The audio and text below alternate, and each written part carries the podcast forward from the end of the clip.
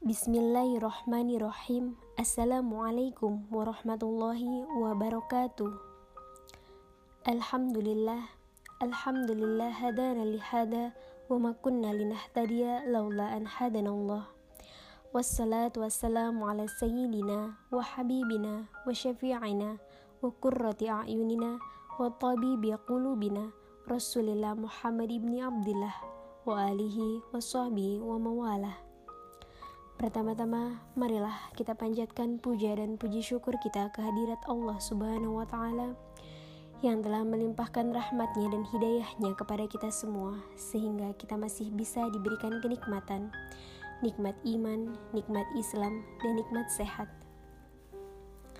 Salawat dan salam tak lupa, marilah kita haturkan kepada junjungan kita, Nabi Agung Muhammad Sallallahu Alaihi Wasallam yang kita nantikan syafaatnya di yaumil qiyamah. Amin amin ya rabbal alamin. Alhamdulillah, rasanya baru kemarin kita memulai ibadah puasa. Tidak terasa kita sudah memasuki puasa yang ke-14. Semoga Allah senantiasa menuntun kita dalam memaksimalkan ibadah pada bulan Ramadan kali ini. Amin ya Allah, amin ya rabbal alamin. Baiklah, Bapak Ibu, keluarga SMP Al-Mujahidin rahimakumullah. Pada kesempatan kali ini, saya akan menyampaikan kultum tentang asiqoh billah atau bersandar kepada Allah. Ada sedikit kisah yang saya ambil dari Nabi Ibrahim alaihi salam.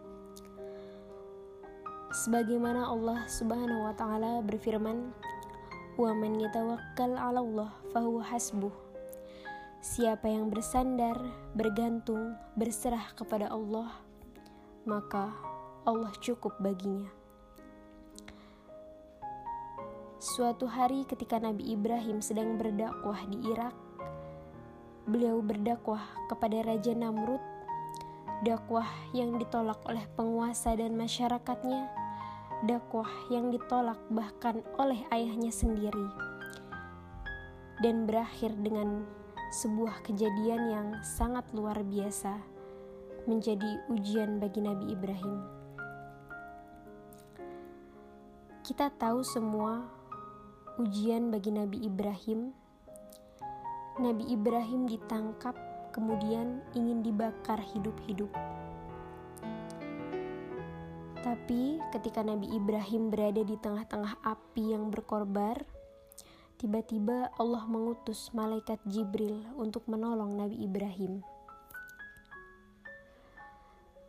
Malaikat Jibril datang kemudian mengatakan, "Iya Ibrahim, sal tutoh, wahai Ibrahim,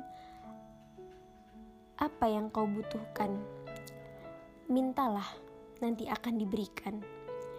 Kemudian Nabi Ibrahim melihat ke arah Jibril dan mengatakan, amma ilaika fala. Meminta kepadamu tidak. Membutuhkan pertolonganmu tidak. Nabi Ibrahim alaihi salam mengatakan hasbi Allah wa ni'mal wakil. Cukup bagi Allah cukup bagi saya Allah sebaik-baik penolong. Masya Allah kalimat ini kalimat yang sederhana dan kita semua hafal. Tetapi kenapa Kalimat yang sederhana dan kita hafal ini bisa memadamkan api bagi Nabi Ibrahim. Kenapa kalimat yang sederhana dan kita hafal ini bagi sahabat bisa mendatangkan keajaiban? Ketika kaum muslimin dikepung di kota Madinah oleh musuh-musuh mereka, sehingga setelah mereka mengatakan hasbunallah wa ni'mal wakil, Allah datangkan angin dingin yang sangat kencang untuk memporak-porandakan tenda-tenda musuh dan membuat mereka harus pulang dalam keadaan kalah. Mengapa kalimat sederhana yang kita hafal ini memberikan keajaiban dalam kehidupan mereka? Kalimat yang sama, kalimat yang sering kita katakan, hasbunallah wa ni'mal wakil atau hasbiallah wa ni'mal wakil. Tetapi kita tidak melihat keajaiban seperti yang dilihat oleh Nabi Ibrahim dan para sahabat. Lantas, apa bedanya? Bedanya adalah di sini. Di mana? Di dalam hati. Bedanya adalah astiqoh billah. Seberapa kuat kita, seberapa yakin kita kepada Allah dalam hati. Banyak orang yang mengatakan kalimat la haula wala quwata illa billah, tetapi kalimat itu tidak mendatangkan keajaiban dalam kehidupan dia. Banyak juga orang yang mengatakan la tahzan inallaha ma'ana, tetapi kalimat itu tidak mendatangkan keajaiban dalam kehidupan dia. Tidak pula mendatangkan keajaiban dalam masalahnya. Sedangkan Nabi dan Abu Bakar pernah mengatakan kalimat itu. La tahzan innallaha ma'ana. Kemudian Allah datangkan pertolongan yang luar biasa kepada Nabi dan Abu Bakar.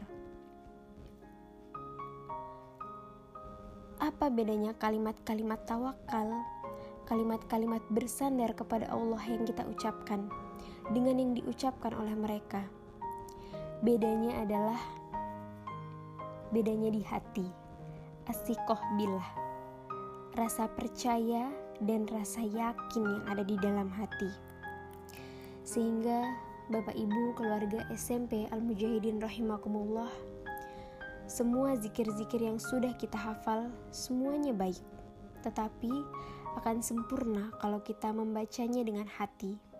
Ketika kita mengatakan hasbi Allah wa ni'mal wakil, disertai dengan rasa yakin yang seutuhnya kepada Allah. Yakin tentang apa? Yakin bahwa Allah lah cukup bagi kita. Ada banyak orang mengatakan hasbi Allah, tapi dia masih merasa kurang. Ada pula banyak orang yang mengatakan hasbi Allah, tetapi dia masih butuh kepada makhluk. Ada banyak orang yang mengatakan hasbi Allah, tetapi dia masih bersandar dengan matematika harta dan materinya. Ada banyak orang pula yang mengatakan hasbi Allah, tetapi baginya Allah belum cukup. Lalu bagaimana Allah akan mendatangkan keajaiban seandainya kata-kata itu belum belum cukup menghujam di dalam hati kita? Maka marilah kita pelajari kalimat hasbi Allah di dalam hati, bukan hanya di lisan. Memang, memang sangat mudah mengucapkannya dengan lisan.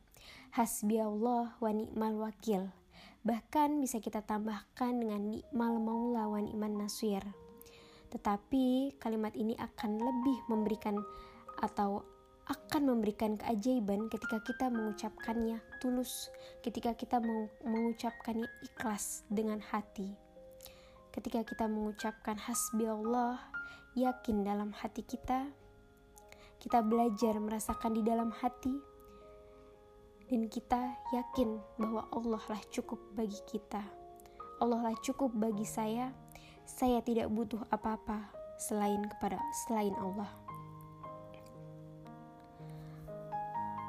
Kalau ada orang yang meninggalkan kita, tidak apa-apa. Yang penting Allah tidak meninggalkan kita. Kalaulah manusia memusuhi kita padahal kita melakukan kebenaran, kebaikan tidak apa-apa. Yang penting Allah ridho kepada kita. Seandainya ada manusia yang menjauhi kita, tidak apa-apa. Yang penting Allah dekat dengan kita. Seandainya juga ada manusia yang tidak mau mendengar curhat kita, tidak apa-apa. Yang penting Allah mendengar doa-doa dan munajat kita. Seandainya juga ada manusia yang mencurangi kita, membuli, menghina, itu tidak apa-apa. Yang penting Allah memuliakan kita. Mari kita renungkan firman Allah di surat Ad-Duha. Alam yajidka yatima fa'awa wa wajadaka dhalan fahada wa wajadaka a'ilan faghna. Bukankah engkau wahai Muhammad dulu adalah anak yatim? Kemudian Allah lah yang memeliharamu. Dulu engkau pernah tersesat di padang pasir dalam sebuah perjalanan Allah yang memberikan engkau petunjuk untuk sampai ke negerimu. Dulu engkau dalam keadaan kekurangan. Bukankah Allah yang memberikan kecukupan bagimu? Tidakkah Allah cukup bagi kita untuk mengurus segala urusan kita. Jangan sedih kalau kita kehilangan banyak hal dalam urusan dunia, selama kita tidak kehilangan Allah. Sehingga para ulama mengatakan, siapa yang mendapatkan Allah, dia mendapatkan dunia dan seisinya. Siapa yang kehilangan Allah, maka dia akan kehilangan dunia dan seisinya. Yuk, kita belajar bersama mengucapkan hasbi Allah, hasbi Allah wa ni'mal wakil dengan hati dan bukan hanya dengan lisan. Barakallahu fikum. Wassalamualaikum warahmatullahi wabarakatuh.